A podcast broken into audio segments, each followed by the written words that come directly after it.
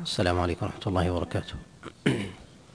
الحمد لله رب العالمين وصلى الله وسلم وبارك على نبينا محمد وعلى آله وأصحابه ومن تبعهم بإحسان إلى يوم الدين أما بعد. ففي هذه المجالس نتكلم على جملة من المسائل منها ما يتعلق بمسائل وأحكام الصيام ومنها ما يتعلق ببعض مسائل العقائد. وفي هذا المجلس نبتدئ الكلام على الأحاديث التي يدور فيها أو يدور حولها الخلاف عند العلماء عليهم رحمة الله سواء كان في هذه المسائل أصل يعتمد عليه سواء كان ذلك من الموقوف أو كان ذلك من المرفوع. فنورد ذلك علما أن العلماء عليهم رحمة الله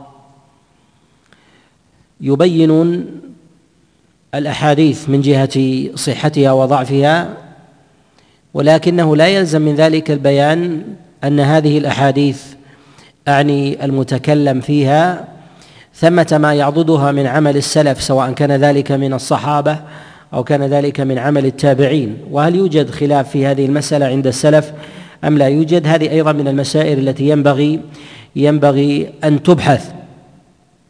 ونحن في هذا المجلس في الرابع والعشرين من شهر شعبان في عام خمس وثلاثين بعد الأربعمائة والألف نبتدئ التعليق على الأحاديث التي يتكلم عليها العلماء عليهم رحمة الله في أبواب الصيام ولها أثر ولها أثر في أحكام الفقه. وهل في هذه الأحاديث ما يعضدها من أقوال السلف سواء كان ذلك من التابعين أو كان ذلك من أتباعهم؟ أو كان ذلك أيضا قبلهم الصحابة عليهم رضوان الله.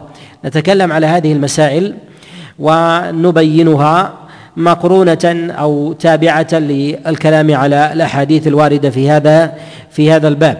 ومعلوم أن الأحاديث عند علماء الحديث تنقسم إلى أقسام. منهم من يقسمها إلى قسمين ومنهم من يقسمها إلى ثلاثة أقسام. منهم من يجعل الحديث الصحيح والضعيف ومنهم من يقول الصحيح والحسن والضعيف. نحن نتكلم على ما لا يحتج به. إذا قلنا إن الأحاديث على قسمين أو كانت على ثلاثة أقسام فهي عند العلماء من جهة من جهة الاحتجاج يحتج به أو لا يحتج به. فنحن نتكلم على الأحاديث التي لا يحتج بها سواء سواء كانت ضعيفة ضعفا يسيرا أو كان الضعف في ذلك ضعفا ضعفا شديدا. أو ما يصطلح عليه بعض العلماء من التسمية الضعيف بالحسن مما لا يدخل تحت دائرة الاحتجاج عند بعضهم في بعض في بعض المسائل. والكلام والتفصيل في هذه الأحاديث من الأمور المهمة التي تهم طالب العلم. وذلك لتعلقها بالأحكام الفقهية والحلال والحرام وفضائل الأعمال. ومعرفة ما جاء عن رسول الله صلى الله عليه وسلم في ذلك من الصحيح والضعيف من الأمور المهمة لطالب العلم وكذلك أيضا للناقد البصير. ونتكلم أيضا تبعا لذلك على شيء من قواعد الأئمة في بيان وجوه كلامهم على الأخبار المروية في هذا في هذا الباب. ونبتدئ ما يتعلق بأحكام الصيام ابتداء وأحكام الصيام متسعة منها ما يتعلق بشهر رمضان ومنها ما يتعلق بغير شهر رمضان سواء كان ذلك من أحكام الصيام في غيره كشعبان وكذلك أيضا رجب وغيرها من الأحكام التي تأتي بعد ذلك كصيام شوال وما جاء بعده من أحكام من أحكام الصيام سواء كان ذلك في عرفة أو في عاشوراء أو غيرها من أحكام من أحكام الصيام. سواء كان ذلك من أمور الحث والحظ أو كان ذلك من أمور المنع مما نهى النبي صلى الله عليه وسلم عن فعله سواء كان ذلك من النهي عن مباشرة الصيام أو فعله في أثناء أو فعله في أثناء في أثناء الصيام. بيان ذلك من الأمور من الأمور المهمة. ولهذا نقول إنه ينبغي لطالب العلم قبل ولوجه للأبواب أن يعرف مواضع الاحتجاج من عدمها. وذلك أنه ربما يفرع طالب العلم على مسألة من المسائل ويسهب في معرفة الأقوال بينما العمدة في ذلك والأصل وهو وهو الدليل المروي في هذا لا يعتد ولا يحتج ولا يحتج به. اذا فالمسألة بحاجة إلى معرفة ما هو حجة وما ليس وما ليس ما ليس بحجة. نتكلم على ما ورد عن رسول الله صلى الله عليه وسلم من أحاديث مما تسبق رمضان. مما يسبق مما يسبق رمضان. وأول هذه الأحاديث ما جاء بالحكاية سواء كان ذلك من عمل الصحابة أو كان ذلك من عمل من جاء من جاء بعدهم. وذلك بالدعاء ببلوغ رمضان. فالحديث الأول ما جاء من حديث معل بن الفضل أنه قال كانوا كانوا يدعون ستة أشهر أن يبلغهم رمضان وستة أشهر أن يتقبل الله منهم رمضان. هذا الحديث قد أخرجه الأصبهاني في كتابه الترغيب من حديث أحمد بن محمد ابن نصير عن أحمد بن عاصم عن معلى ابن الفضل أنه قال كانوا يدعون ستة أشهر أن يبلغهم الله رمضان ويدعون ستة أشهر أن أن أن يتقبل الله منهم رمضان. وهذا الحديث في قوله هنا كانوا نقول إن معلى بن الفضل ليس بتابعي ولم يدرك أحدا من أصحاب رسول الله صلى الله عليه وسلم وعلى هذا نقول إن المقصود في هذا ليسوا الصحابة. وكذلك أيضا فإن هذا الحديث فإن معلى ابن الفضل يظهر أنه ليس من التابعين أيضا أنه ليس أنه ليس من أتباع التابعين فلم يدرك أحدا من التابعين فلم يدرك أحدا من الصحابة ولعله كذلك لم يدرك أحدا أحدا من التابعين. وعلى هذا نقول إن هذا ليس من عمل الصحابة عليهم رضوان الله ولا كذلك أيضا من عمل التابعين. وربما اعتاد عليه بعض الناس في بعض البلدان فلا ينسب إلى فلا ينسب إلى أصحاب رسول الله صلى الله عليه وسلم ولا إلى التابعين. ثم أيضا إن التابعين مدارس متنوعة منها مدرسة الحجاز مكة والمدينة ومنها غير هذه المدرسة كمدرسة الشام والعراق وكذلك مصر واليمن وغيرها من المدارس التي وجد وتكاثر فيها وتكاثر فيها التابعون. هذه المس هذه أو هذا الدعاء لا يثبت من قول الصحابة ولا يثبت من قول التابعين وعلى هذا يقطع بعدم مشروعيته وإنما أن الإنسان إذا أراد أن يدعو يدعو من غير تقييد بعدد بستة أشهر سابقة وستة أشهر لاحقة. إذ لا دليل على إذ لا دليل على ذلك إذ لا دليل على هذا وإنما الدعاء في ذلك العام أن يدعو الإنسان أن يبلغ رمضان أن يبلغ رمضان وأن يتقبل الله عز وجل منه العمل العمل الصالح. وهل ورد في ذلك عن رسول الله صلى الله عليه وسلم من الدعاء مما يسبق رمضان؟ وكذلك أيضا عن الصحابة وكذلك أيضا التابعين. نقول ورد عن رسول الله صلى الله عليه وسلم دعاء بمعنى هذا من غير تقييد بزمان وفي ذلك أيضا وفي هذا الحديث كلام أيضا عند عند العلماء. وهو الحديث الثالث الثاني في هذا المجلس وهو حديث عبادة بن الصامت عليه رضوان الله أنه قال كان رسول الله صلى الله عليه وسلم يعلمنا كلمات قبل رمضان. أن نقول اللهم سلمنا رمضان وتسلمه. اللهم سلمني رمضان وسلمه لي وتقبله وتقبله مني. وفي بعض الألفاظ وتسلمه مني متقبلا. هذا الحديث قد أخرجه الشافعي في كتابه المسند. وكذلك قد رواه الطبراني. أخرجه من حديث الوليد بن مسلم. أخرجه من حديث عفوا من حديث أبي جعفر الرازي عن عبد العزيز بن عمر بن عبد العزيز عن صالح بن كيسان عن عبادة بن الصامت عن رسول الله صلى الله عليه وسلم. وهذا الحديث حديث منكر وهو معلول أيضا بعدة علل.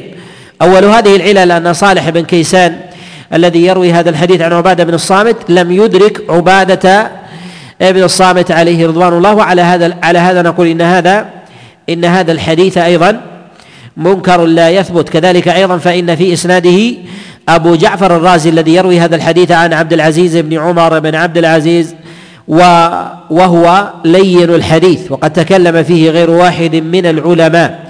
ويكفي في هذا الحديث أن الانقطاع والجهالة فيه هنا في الواسطة هي جهالة جهاله عين ولم يثبت عن رسول الله صلى الله عليه وسلم دعاء يسبق رمضان بالدنو منه ولا كذلك أيضا بعد بعد رمضان بأن يتسلمه الله عز وجل أن يتسلمه الله جل وعلا من الإنسان وإنما يبقى هذا الأمر على الأصل. لا يحض عليه بصيغة معينة ولا يمنع منه ولا يمنع منه.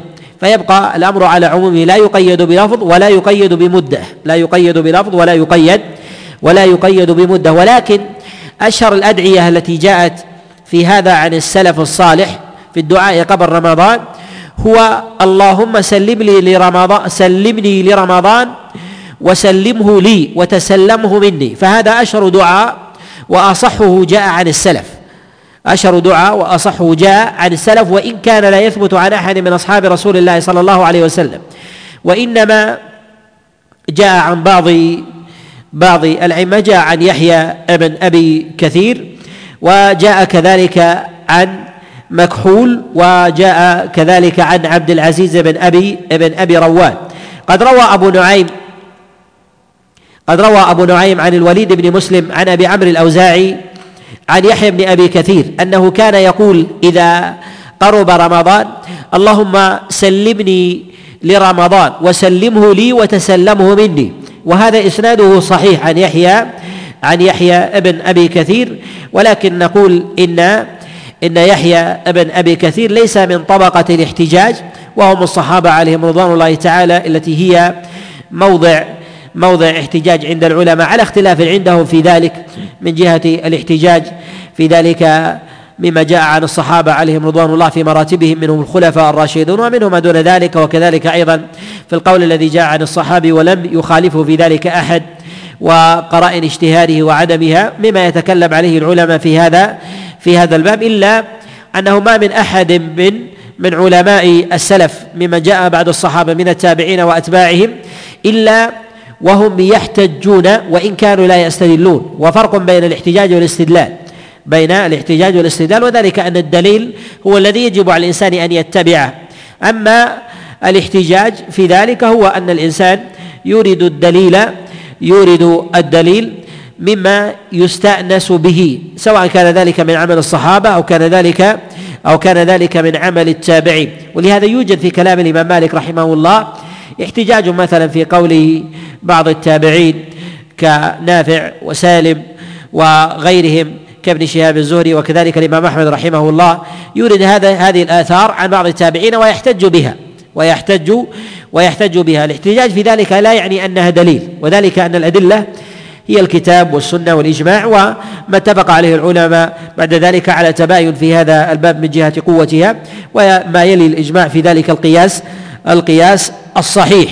ويختلفون في مراتب الاحتجاج في أبواب الصحابة وكذلك عمل المدينة وغير ذلك من من قرائن من قرائن الاحتجاج. نقول هذا هو صحيح عن يحيى ابن أبي كثير صحيح عن يحيى ابن أبي كثير وله ما يعضده من عمل السلف وله ما يعضده من عمل من عمل من عمل السلف. وذلك أنه قد أخرج الطبراني في كتابه الدعاء من حديث الوليد بن مسلم عن عبد العزيز بن أبي رواد أنه قال كان المسلمون إذا إذا دنا رمضان دعوا الله عز وجل فقالوا اللهم اللهم قد أضلنا شهر رمضان وحضر فسلمنا له و وسلمنا سلمه لنا وتسلمه منا متقبلا. وهذا أيضا اسناده إسناده صحيح.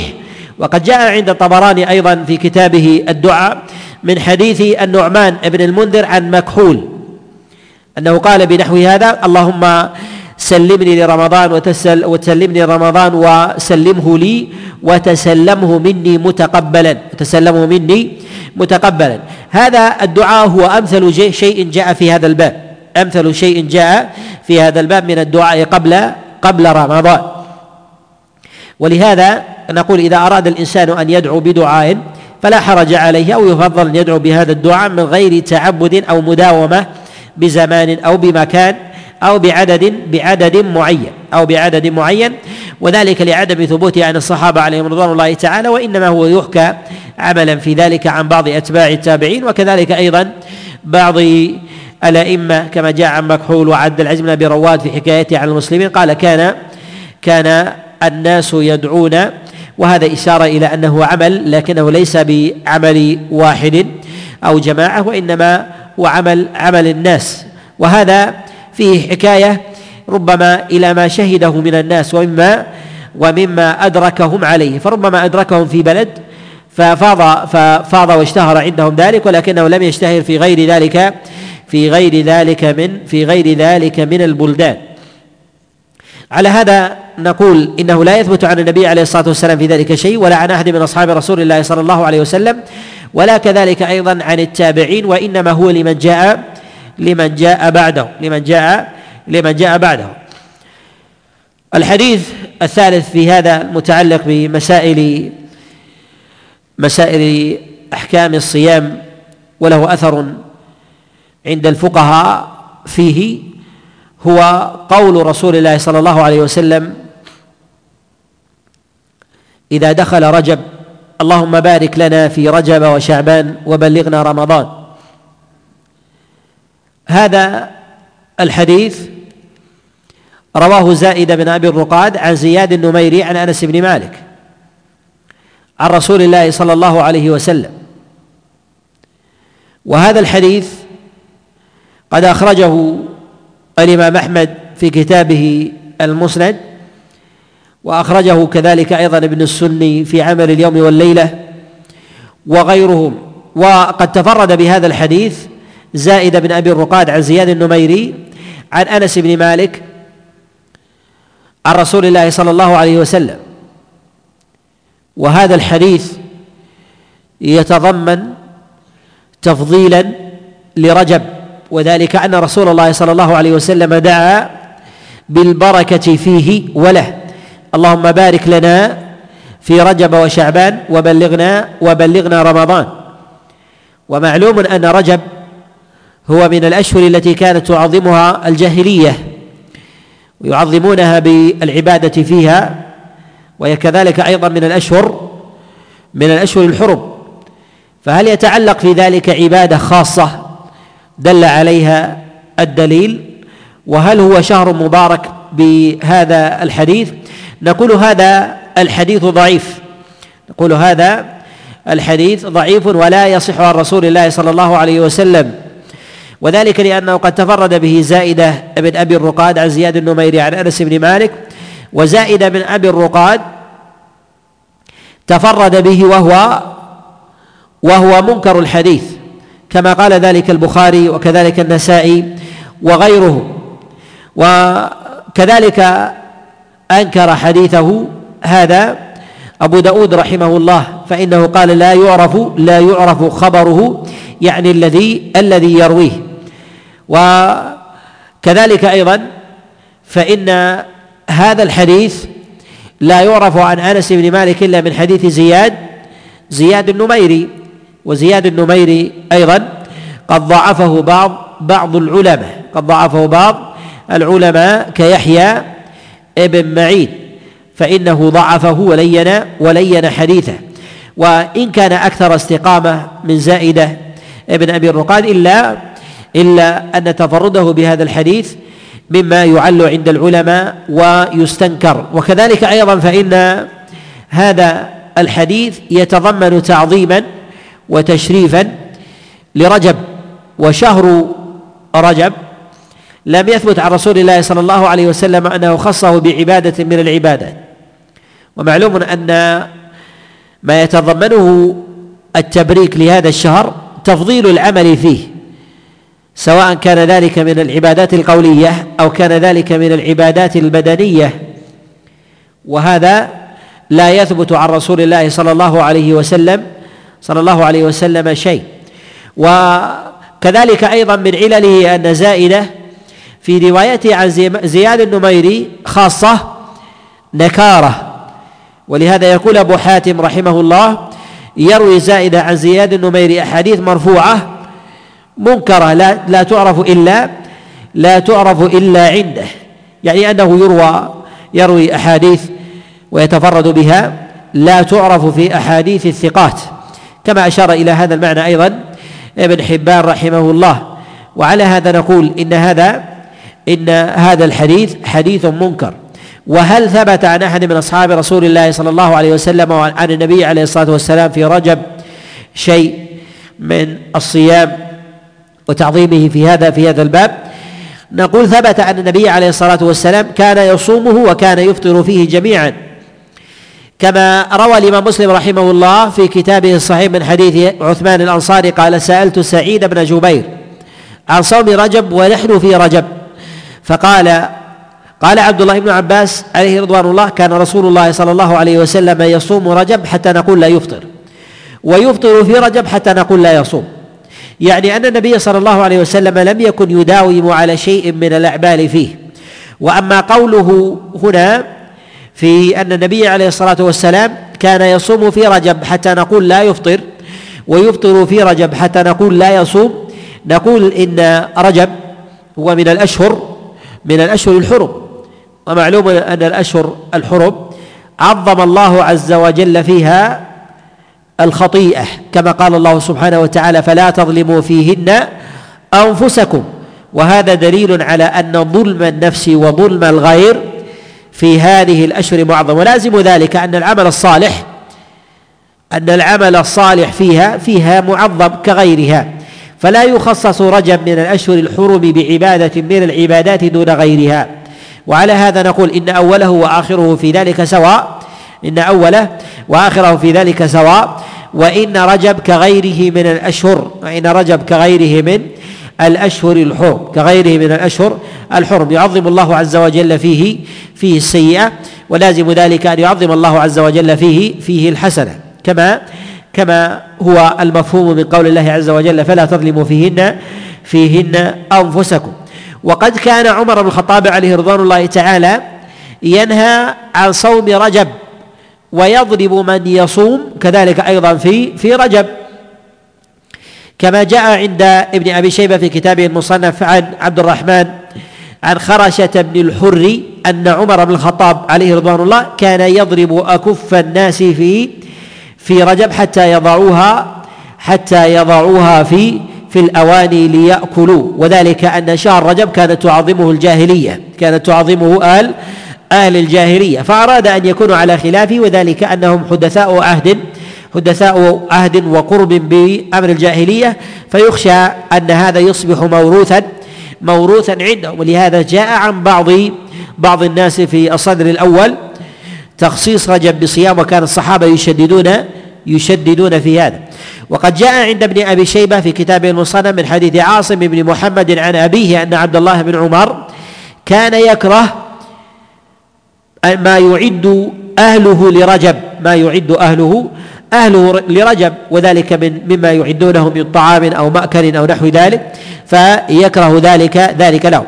بل قد صح عن عبد الله بن عمر أنه كان يحرم صيام رجب كاملا. كما روى الإمام أحمد رحمه الله عن عبد الله مولى أسماء عن عبد الله بن عمر عليه رضوان الله تعالى وقد صح هذا الخبر غير واحد. غير واحد من الأئمة. وقد جاء عند الإمام أحمد عن أبي بكرة عليه رضوان الله أنه كان كان يكسر الكيزان التي يعدها أهل بيته لرجب.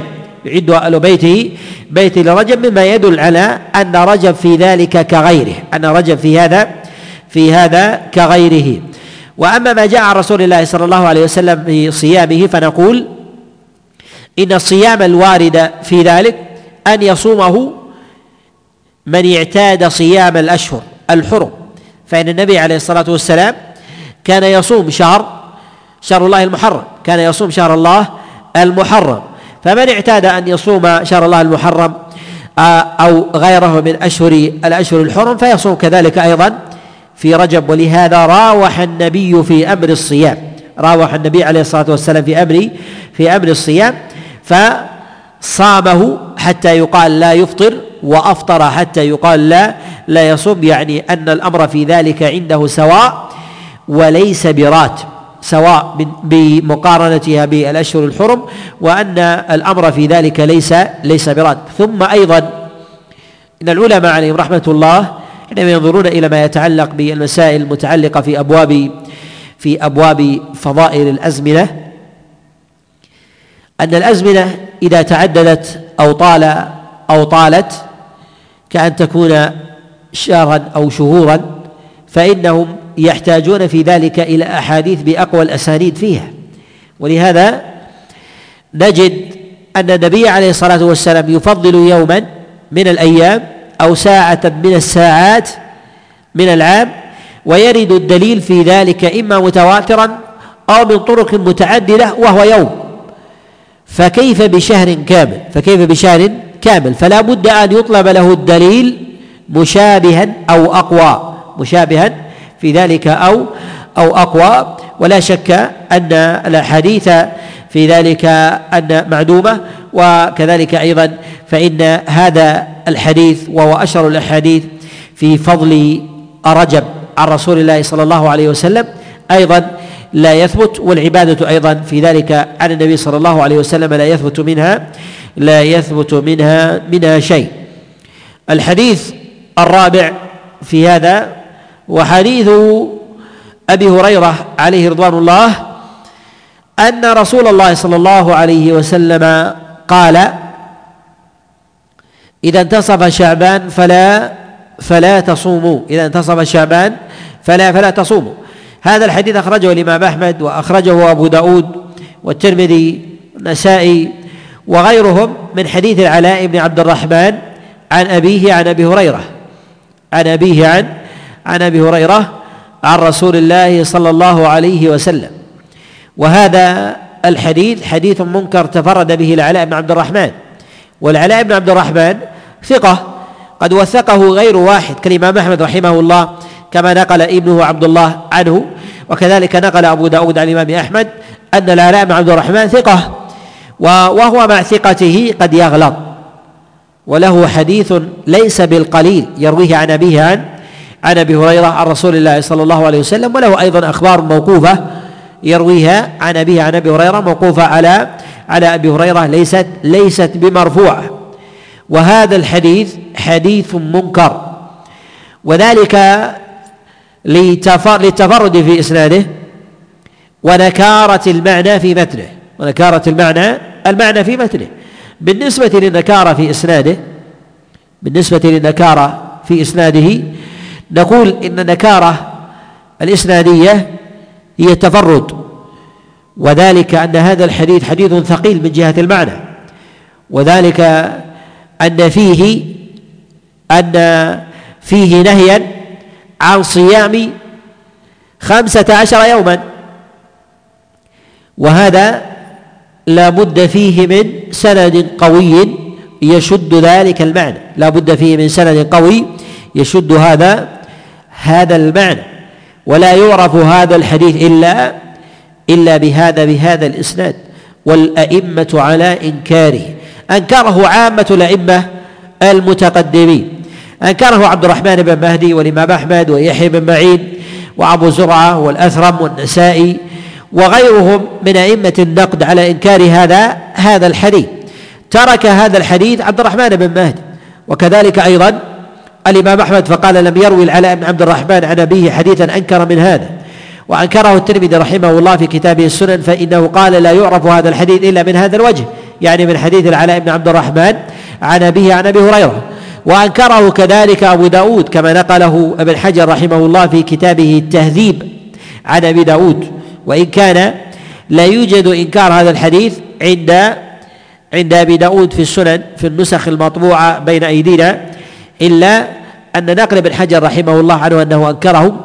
ربما كان في نسخة وحري بأبي داود أن ينكر مثل هذا الحديث خاصة لظهور علته وإجماع وإطباق أشياخه على على رده وإنكاره على رده ورده وإنكاره. وعلى هذا نقول إن الأئمة عليهم رحمة الله تعالى ينكرونه وكذلك قد أنكره النسائي رحمه الله في كتابه السنن فإنه لما أخرجه قال لا يعرف هذا الحديث إلا من حديث العلاء بن عبد الرحمن عن أبيه عن عن أبي هريرة وكذلك أنكره أبو زرعة وكذلك أيضا الأثرم.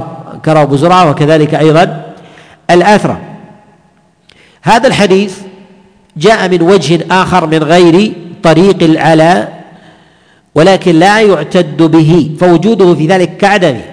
قد أخرجه الطبراني من حديث عبيد الله بن عبد الله ابن المنكدر بن محمد وهو المنكدري قال حدثني أبي عن أبيه عن جده عن عبد الرحمن بن يعقوب الحرقي عن أبي هريرة عن رسول الله صلى الله عليه وسلم.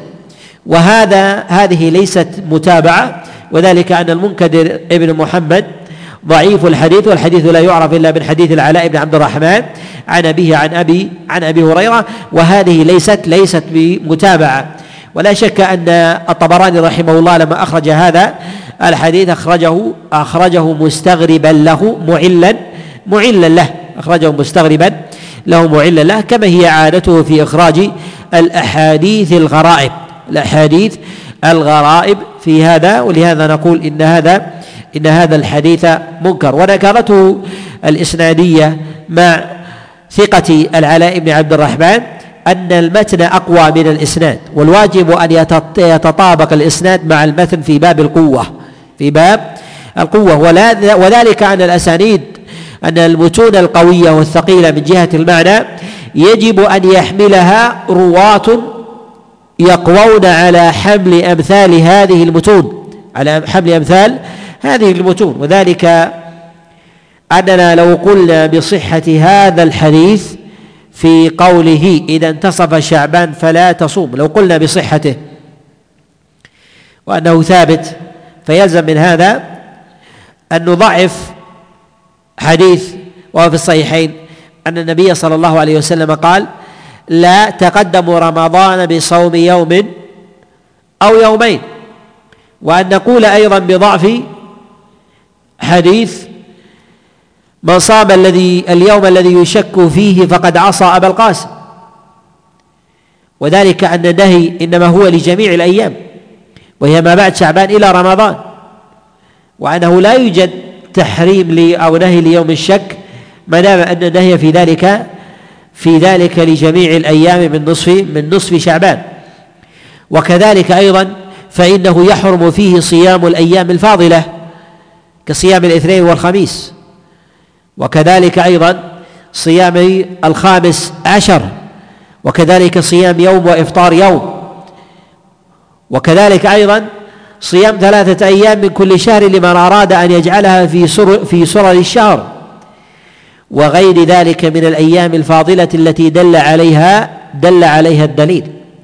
وكذلك أيضا في حديث عائشة وفي الصحيح أنها قالت كان يكون علي القضاء من رمضان فلا أقضيه إلا في شعبان لمكان أو مقام رسول الله صلى الله عليه وسلم. وما قالت في شهر في شطر شعبان وإنما قالت في شعبان يعني أن القمر الأمر في ذلك والقضاء في هذا على السعة والنبي عليه الصلاة والسلام حينما قال لا تقدم رمضان بيوم صيام يوم أو يومين قال إلا صوما كان يصومه أحدكم فليصمه يعني إذا اعتاد أن يصوم يوم ويفطر يوم أو وافق يوم الاثنين وهو يوم الثلاثين من شعبان أو يوم التاسع والعشرين فهو اعتاد هذا الصيام فلا حرج عليه فلا حرج عليه. أو اعتاد أن يصوم ثلاثة أيام من آخر كل شهر لتناسب وق... لتناسب وقته وفراغه أو أيسر له فإنه يصومها كذلك. وعلى هذا هل هذا الحديث بإسناده يقوى على رد جميع هذه الأحاديث أو لا يقوى؟ لا يقوى على ردها فلا بد أن يكون بإسناد أقوى بإسناد أقوى منها بإسناد أقوى أقوى منها والعلماء عليهم رحمة الله في أبواب العلل ينظرون إلى إلى أمور الموازنة إلى أمور الموازنة. ولهذا لم يعمل بهذا الحديث أحد من السلف. لم يعمل بهذا الحديث أحد أحد من السلف. وقد حكى الطحاوي رحمه الله إجماع العلماء حكى الطحاوي رحمه الله إجماع العلماء على ترك العمل بهذا الحديث. وأما من صحح هذا الحديث من بعض الأئمة الذين جاءوا بعد الصدر الأول كابن حزم. وكذلك الحاكم في كتابه المدخل فإنهم قالوا بصحة هذا بصحة هذا الحديث فإنهم أخذوا الحديث بظاهر إسناده وجردوه عن معارضته للأحاديث وجردوه عن معارضته للأحاديث ونقول ليس كل حديث يصح من جهة إسناده يقوى على حمل على حمل متنه يقوى على حمل متنه ولهذا نقول إن تصحيح ابن حزم الأندلسي لهذا الحديث وكذلك تصحيح الحاكم له في المدخل ليس ليس على وجهه وليس على جادة وليس على جادة النقاد. فنقول إن هذا هذا التصحيح مردود ولذلك أنه يلزم به يلزم منه تضعيف أحاديث واردة أقوى أقوى منه. وننبه أنه ينبغي لطالب العلم أنه ينبغي لطالب العلم في أبواب في أبواب النقد أنه إذا أراد أن يحكم على حديث من الأحاديث أن يكون ضابطا لأحاديث الباب أن يكون ضابطا لأحاديث الباب حتى يستطيع يعل الأحاديث المعترضة مع هذا الحديث. وهل ترد هذا الحديث أم لا؟ أما الذي ينظر إلى الحديث فقط مجردا ويفصله عن سياقات الأحاديث الأخرى ومعانيها وفقهها وعمل السلف فيها فهذا لا شك أنه نظر قاصر لا شك أنه نظر نظر قاصر. فإذا نظرت في حديث من الأحاديث فانظر إلى الأحاديث التي تعارضه. إلى الأحاديث التي تعارضه هل هي أقوى منه وهل هي أكثر منه وما الذي يعارض في هذا. إذا كان يعارضه ما هو أقوى أقوى منه وكذلك هو أولى منها فإن هذا يدل على على على ضعف هذا هذا الحديث وكذلك أيضا رده. ولهذا نجد أن العلماء عليهم رحمة الله تعالى ينكرون ينكرون هذا الحديث ويشددون في في نكرانه وذلك أيضا أنه ثبت عن رسول الله صلى الله عليه وسلم النهي عن أيام أقل من هذه الأيام بأسانيد أصح بأسانيد أصح أصح من هذا كصوم يوم العيد. صوم يوم العيد ثبت بإسناد أصح من الصيام بعد نصف من شعبان أو لم يكن أصح؟ أصح. وإذا كان النهي عن صيام خمسة عشر يوما أو صيام يوم واحد أيها أولى؟ أولى بالقوة. خمسة عشر يوما أولى. أولى. أولى من النهي عن صيام يوم أن تثبت. ولهذا نقول إن كل حديث يرد فيه النهي عن صيام يوم أو دون هذه الأيام. دون هذه الأيام بإسناد أقوى فإنه يعل أو قرينة على إعلال هذا قرينة على إعلال هذا هذا الحديث ورده وكذلك أيضا عدم عدم قبوله. الحديث الخامس في هذا الباب وما جاء عن رسول الله صلى الله عليه وسلم من الخطبة من الخطبة عند دخول رمضان. الخطبة عند دخول دخول رمضان. وتبليغ أصحابه له وتهنئتهم به تهنئتهم به به. وهذا قد جاء أيضا عن رسول الله صلى الله عليه وسلم في أحاديث متعددة. وأول هذه الأحاديث هو حديث سلمان الفارسي عن رسول الله صلى الله عليه وسلم أنه خطب فيهم آخر يوم من شعبان فقال أيها الناس أظلكم شهر عظيم شهر مبارك. شهر فيه ليلة خير من ألف شهر.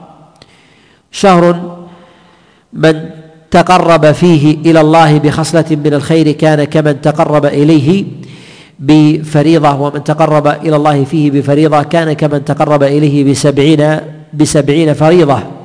وهذا الحديث أخرجه ابن خزيمة في كتابه الصحيح. وأخرجه عنه البيهقي وأبو الشيخ كلهم عن ابن خزيمة بهذا الحديث وأخرجه من حديث علي بن زيد بن جدعان عن سعيد بن المسيب عن سلمان الفارسي عن رسول الله صلى الله عليه وسلم. وهذا الحديث أنكره أبو زرعة وأعله كما في العلل فقال هذا حديث منكر وذلك أن هذا الحديث قد تفرد به علي بن زيد بن جدعان تفرد به علي بن زيد بن جدعان عن سعيد بن المسيب عن سلمان الفارسي. وعلي بن زيد بن جدعان ضعيف الحديث. ضعيف الحديث. قد ضعفه قد ضعفه كثير من الأئمة. وقد تفرد بهذا الحديث عن سعيد بن المسيب عن سلمان عن سلمان الفارسي. وكذلك أيضا فإن سعيد بن المسيب من أئمة الرواية وكذلك أيضا الفقه. في المدينة وله أصحاب كثر يروون عنه حديثه وهم أضبط الناس أضبط الناس لحديثه من أصحابه الكبار. ومع ذلك لا يروون هذا الحديث عنه وتفرد بذلك وعلي بن زيد بن جدعان وهذا قرينة أيضا على رده. والعلة أيضا الثالثة في هذا هي الانقطاع بين سعيد بن المسيب وبين سلمان سلمان الفارسي. وذلك أن سعيد بن المسيب لم يسمع من سلمان من سلمان الفارسي وكما نص على ذلك غير واحد غير واحد من الأئمة. وقد أعل هذا الحديث ابن خزيمة رحمه الله آه، في كتابه الصحيح فإنه أورد هذا الحديث وترجم عليه بترجمة. قال إن صح الخبر وكأنه وكأنه يشكك في صحته أو أو يعله. وعله كذلك أيضا العقيلي في كتابه الضعفاء. فقال ليس في هذا حديث عن رسول الله صلى الله عليه وسلم يصح أو قال ليس إسناد هذا الحديث بصحيح. والأئمة عليهم رحمة الله ينصون على أنه لا يثبت على النبي صلى الله عليه وسلم شيء في الخطبة عند دخول رمضان. خطبة عند دخول عند دخول رمضان. وهذه الخطبة لو كانت من رسول الله صلى الله عليه وسلم على سبيل الدوام وسنة مقصودة لنقلت وذلك أن الخطب تشتهر. وذلك أن الخطب تشتهر ويحضرها أجلة الصحابة ويحفظون أمثال هذه الروايات خاصة إذا داوم إذا داوم عليها. وذلك أن النبي صلى الله عليه وسلم فرض عليه الصيام في السنة أي سنة؟ الثانية. في السنة الثانية. فرض الصيام على رسول الله صلى الله عليه وسلم في السنة الثانية وذلك قبل غزوة بدر وذلك قبل غزوة غزوة بدر. وذلك قيل في شعبان وقيل قبل وقيل قبل ذلك. فإذا تكررت أمثال الخطب وقصد بها فإنها فإن هذا يدل على دوامها ولا بد من ولا بد أيضا من نقلها. وإذا كانت على سبيل الاعتراض فيبقى أن مثل هذا العمل إنما هو عمل عارض وهذا في حال ثبوت ذلك الإسناد وصحته أيضا عن رسول الله صلى الله عليه وسلم. وعلى هذا نقول إن هذا الحديث بهذا الإسناد لا يثبت عن النبي صلى الله عليه وسلم ولا يثبت أيضا عن رسول الله صلى الله عليه وسلم في ذلك خطبة لدخول رمضان ولا أيضا في تبليغ أصحابه ولا في تأنيئتهم في هذا في هذا. الحديث السادس وهو الحديث الثاني في هذه المسألة بما يتعلق بإبلاغ رسول الله صلى الله عليه وسلم للصحابة بحضور رمضان وإذلاله وكذلك أيضا بدخوله آه، وهو حديث أبي هريرة عليه رضوان الله أن رسول الله صلى الله عليه وسلم قال جاءكم شهر رمضان. جاءكم شهر رمضان شهر مبارك تفتح فيه تفتح فيه أبواب السماء. تفتح فيه أبواب السماء وتغلق فيه أبواب الجحيم وتغل فيه الشياطين. هذا الحديث أخرجه النسائي رحمه الله في كتابه السنن من حديث أيوب بن أبي تميم السختياني عن أبي قلابة عن أنس بن مالك. وهذا الحديث أيضا حديث حديث منكر. وهو معلول من جهة إسناده وكذلك أيضا معلول من جهة من جهة متنه. أما من جهة إسناده فإن إسناده منقطع وذلك أن أبا قلابة يروي هذا الحديث عن أبي هريرة ولم يسمع منه. ولم يسمع منه. ولم يسمع أبو قلابة من أبي هريرة آه، حديثا عن رسول الله صلى الله عليه وسلم وكذلك أيضا موقوفا. وعلى هذا نقول إن هذا الحديث أن هذا الحديث منقطع.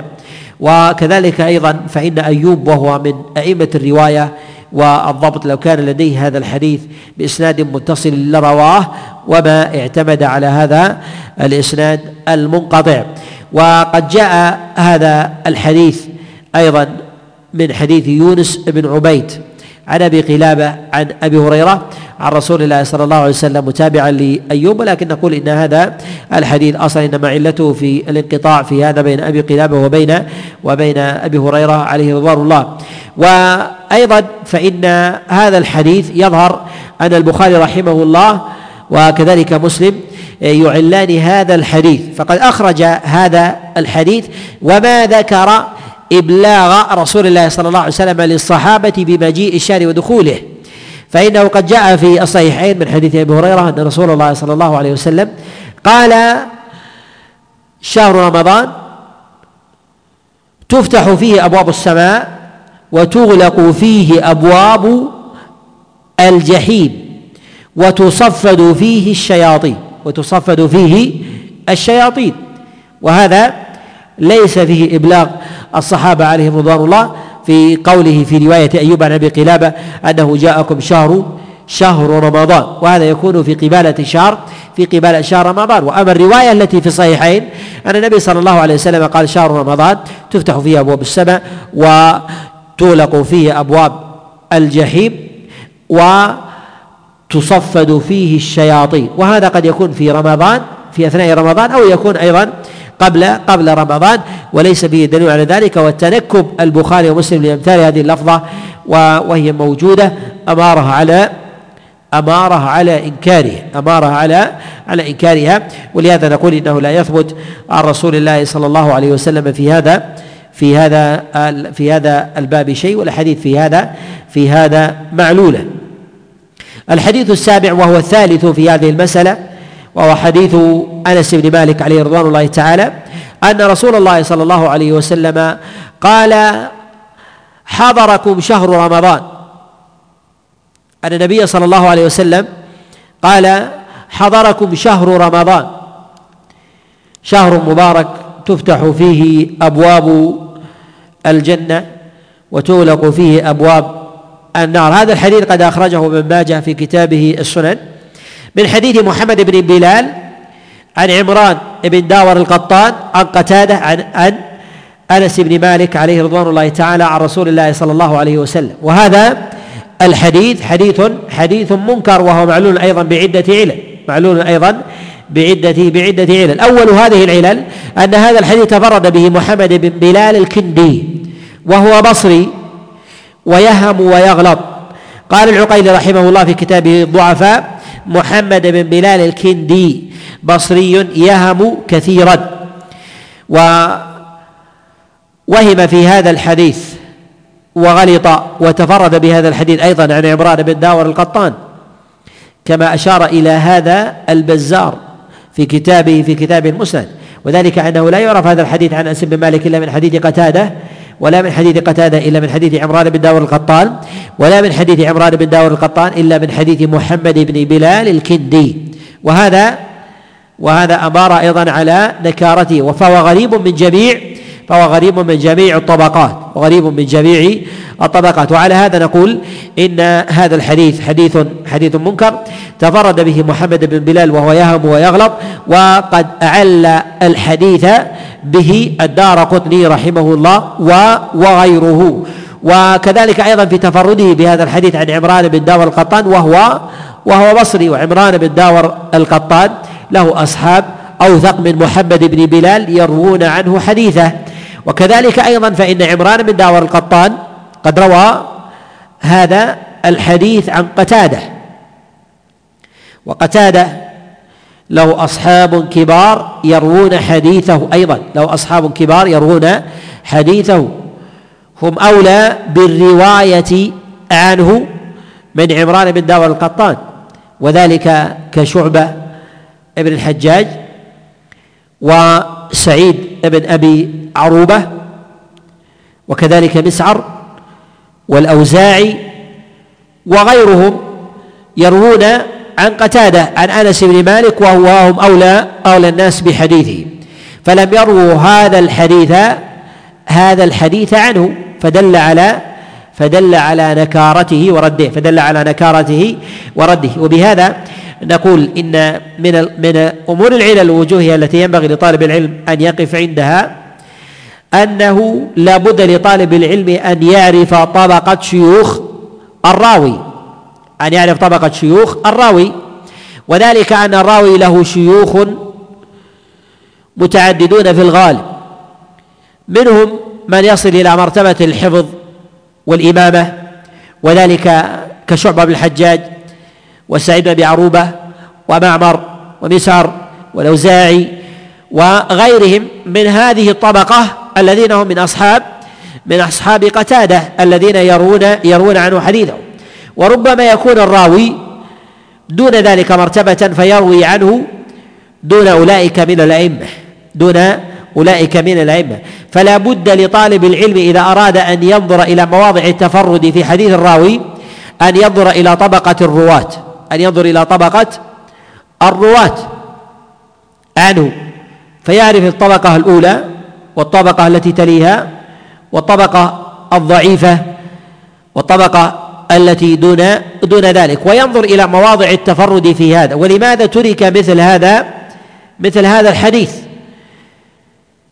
ثم أيضا إن البخاري ومسلم حينما أخرج الحديث بمعناه وحديث أنس بن مالك عليه رضوان الله من حديث أبي هريرة وتنكب حديث أنس بن مالك وهو من حديث قتادة وحديث قتادة يحفظ حديث قتادة يحفظ ويضبط ومع ذلك ما أخرجوه من حديث قتادة عن أنس بن مالك وأخرجوه باللفظ السالف من حديث أبي هريرة عليه رضوان الله تعالى وذلك من غير إشارة إلى شهود رمضان إلى شهود رمضان رمضان وحضوره. وهذا أيضا من قرائن وهذا أيضا من قرائن من قرائن الإعلال. وبهذا نقول إنه لا يثبت عن رسول الله صلى الله عليه وسلم أنه قام في الناس في شعبان مبلغا لهم بدخول رمضان. ولا كذلك أيضا مهنئا ولا كذلك أيضا مهنئا. وهل يقال بعدم التهنئة بدخول رمضان لعدم ثبوت الأخبار الواردة؟ أم يقال إن هذا يبقى على أصله؟ فلا تضبط له صيغة ولا يقيد بزمان ولا يقيد ولا يقيد بمكان. فيبقى على عمومه نقول يبقى على عموم لماذا؟ لأن الأزمنة الفاضلة لأن الأزمنة الفاضلة وكذلك أيضا اغتنامها وكذلك أيضا تمكن الإنسان منها مما يهنأ فيه عادة مما يهنأ فيه فيه عادة. فإذا حصل الإنسان عمل صالح وفق إلى شيء من أعمال البر فإنه فإن هذا مما يهنأ يهنأ عليه. كما جاء عن كعب بن مالك عليه رضوان الله أنه هنئ لما نزلت براءته من السماء وذلك أنه كان من الثلاثة الذين الذين خلفوا لما نزلت براءته فهنئ بذلك فهنئ بذلك فأصبح الناس يعانقونه لنزول براءته من من السماء. فسجد لله عز وجل في ذلك شكرا. ولهذا قد نص غير واحد من الأئمة على جواز التهنئة في الأزمنة في الأزمنة الفاضلة في الأزمنة الفاضلة وكذلك تحقق الأعمال الصالحة ونحو ذلك وقد أشار إلى هذا المعنى غير واحد من الأئمة كالإمام أحمد رحمه الله وكالشافعي وغيرهما فيبقى هذا الأمر على على أصله. وهل يكون هذا على إطلاقه بحيث أن الإنسان مثلا يدعو يدعو بالتهنئة بكل عمل صالح وعمل بر كما يتوسع فيه بعض الناس؟ من التهنئة مثلا حتى بالصلاة. في كل صلاة يهنئ من عن يمينه وشماله. وإذا فعل أمرا من أمور البر فعل وغير ذلك مثلا بالصدقة أو قراءة القرآن أو غير ذلك فكلما قرأ حزبه أو ورده آه، هنئ على ذلك وهنأ غيره ممن تحقق في هذا الأمر. أو كذلك أيضا الأيام الفاضلة كيوم الجمعة وغير ذلك. هل يقال بهذا الإطلاق أم أم لا بد من تقييده. أم لا بد من تقييده. نقول لا بد من التقييد. وذلك أنه كلما كان الأمر أكثر ورودا كان في الأصل في الشريعة أكثر نقلا أنه لا بد أن ينقل. فإذا كان الإنسان مثلا يؤدي في اليوم والليلة خمس صلوات فإذا كان من المشروعية أن يهنى على كل عمل على كل عمل صالح يلزم من هذا أن ينقل لو كان في زمن رسول الله صلى الله عليه وسلم. أما الأزمنة المتباعدة الذي يمكن أن يقال أنهم كانوا يهنئ بعضهم بعضا ولكن هذه التهنئة لم تكن في عمل يومي ولا في عمل أسبوعي ولا في عمل شهري وإنما تأتي متباعدة فربما كانوا يهنئ بعضهم بعضا وما كان ذلك ينقل وما كان هذا هذا ينقل ولكن لاختلاف الصيغ واختلاف واختلاف الحال. نقول هذا هو الصواب أن العبادات التي تكثر ورودها على الإنسان لا يهنأ الإنسان بها بل إن التهنئة في ذلك بدعة. إن التهنئة في هذا بدعة. كالتهنئة مثلا بالصلوات الخمسة أن الإنسان مثلا يصلى الصلاة التفت عمن يمينه وشماله فهنأها ونحو ذلك. كما يفعل مثلا بعض الناس فيقولون حرما. ويقول الآخر جمع في كل صلاة أو يبارك له مثلا بأداء الفريضة أو نحو ذلك. هل هذا من السنة والبدعة؟ هذا من البدعة هذا من البدعة. وإذا قال الإنسان لماذا ينهى من من التبريك والتانئة بالعمل الصالح وهو عمل بر؟ نقول إذا قلنا بهذا فإن التوسع بمثل هذا الأمر يدعون إلى التانئة بكل شيء. لو صلى الناس التراويح 11 ركعة أن يهنئون بين بين الركعات وأيضا بعد التسبيح في كل تسبيح أدبار الصلوات أليس عمل صالح؟ لماذا لا نقول بالتوسع؟ نقول بالتوسع أم لا؟ إذا قلنا بالتوسع في التهنئة والمباركة فيلزم من ذلك أنه يكون في كل عبادة ومن ضيقها في باب فلماذا لا يضيقها في الآخر؟ ولهذا الذي يقول في كل عبادة من أدبار الصلوات فيلزم من ذلك في النوافل ولو كان في عبادة تتكرر كالتراويح أن يكون ذلك في كل ركعتين وكل عمل صالح من تسبيح أو تهليل أو قراءة قرآن وهذا توسع لو كان لورد فيه الدليل لورد فيه الدليل. ولهذا نرد هذه الأشياء ونقول إنها من البدعة لأنها لو كانت لثبت فيها الدليل لأنه نقل ما هو دون ذلك ما هو دون ذلك. وكلما تباعدت العبادة قل القول بالبدعة قل القول بالبدعية. كالتهنئة مثلا بصلاة بالجمعة في يوم الجمعة كان يقول جمعة مباركة ونحو ذلك هي أقل أو أضعف تشديدا في جانب الصلوات الخمس. وكذلك أيضا ما يتعلق بالمباركة بدخول بهلول الأشهر أو نحو ذلك أو الأزمنة الفاضلة بمواسم الحج أو دخول رمضان أو العشر في في العشر الأواخر من رمضان أو عشر ذي الحجة. أو دخول الأشهر الحرم الذي يكون فيها مثلا الأجر فيها أعظم من غيرها من غير تخصيص عبادة معينة ونحو ذلك. فنقول في مثل هذا أنه كلما تأخرت كان الأمر في هذا كان الأمر في هذا أوسع. الأمر في هذا في هذا أوسع. ولهذا لم يشدد العلماء في التهنئة في التهنئة في رمضان. تهنئه في في رمضان. وقد صنف السيوطي رحمه الله رسالة سماها وصول الأماني بأحكام التهاني وصول الاماني بأحكام التهاني وتكلم على ما يتعلق بالتهنئة بدخول العبادات وتحقق كذلك المكرمات من الأعمال الصالحة ونحو ذلك وأصل بمنحو هذا الأمر وهذا المعنى.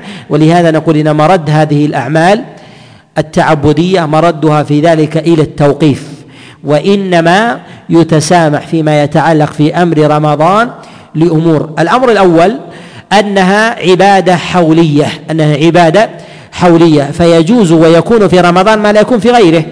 كيف يكون في رمضان ما لا يكون في غيره؟ نقول يكون في رمضان لا لأنه صيام. ما لا يكون في غيره ما لا يكون من التهنئة بصيام الاثنين وصيام الخميس وكذلك أيضا في صيام ثلاثة أيام من كل شهر وصيام الأيام البيض وصيام يوم وإفطار يوم ونحو ذلك. وهو صيام من جنس صيام رمضان. ولكن هذه لما كانت يومية أو أسبوعية أو شهرية شدد فيها ما يشدد في غيرها أو ما يتعلق في رمضان لأنه حولي فإنه يقال فإنه يقال بالتيسير التيسير فيه. الأمر الثاني والسبب الثاني لورود أحاديث في هذا الباب تدل على أن هذا المعنى له أصل. تدل أن هذا المعنى له له أصل. وذلك أنه قد جاء في هذا الباب في حديث سلمان الفارسي في حديث أبي هريرة في حديث أنس بن مالك وغيرها من الأخبار التي تدل على هذا المعنى من الأثار المروية في هذا الباب وإن كان لا يثبت في هذا شيء عن الصحابة عليهم رضوان الله تعالى ولا عن رسول الله صلى الله عليه وسلم ولكن يدل على ورود أصل في هذا في هذا الباب. والأمر أو السبب الثالث في هذا أن رمضان ركن من أركان الإسلام. ركن من أركان ركن من أركان الإسلام وتمكن الإنسان منه أو منه وأدائه. هذه نعمة وفضل من الله عز وجل وحكمه يختلف عن حكم غيره. حكمه يختلف عن حكم عن حكم غيره. فلو أن الإنسان هنئ بأداء فريضة الحج لاغتفر ذلك لاغتفر لاغتفر ذلك. ولكن هل يدخل في هذا القياس فيقال بقياس الأولى أن الإنسان إذا كان يهنى بركن الصيام وركن الحج وهي أركان فالصلاة هي أولى من الصيام والحج. وهي الركن الثاني نقول لا لأن الصلاة صلاة يومية والدليل لو ورد لا لنقل واستفاض وتواتر بالنقل وثبت وجرى عليه العمل. من عمل الصحابة وكذلك أيضا التابعين ولهذا نقول إن إن التانية بالأمور اليومية من أمور الطاعات هي من البدعة سواء كانت من الصلاة أو غير أو غير الصلاة وأنه كلما تباعد الزمن يغتفر في هذا وأشدها اغتفارا اغتفارا في هذا ما يكون بالأمور الحولية. ويكون آكد منها التي تكون في العمر مرة كالذي يؤدي أدى الحج في عمره مرة خاصة من الآفاقيين. يهنأ في هذا ولا حرج في ذلك. وقد يقال بأنها أولى أولى من الصيام في هذا.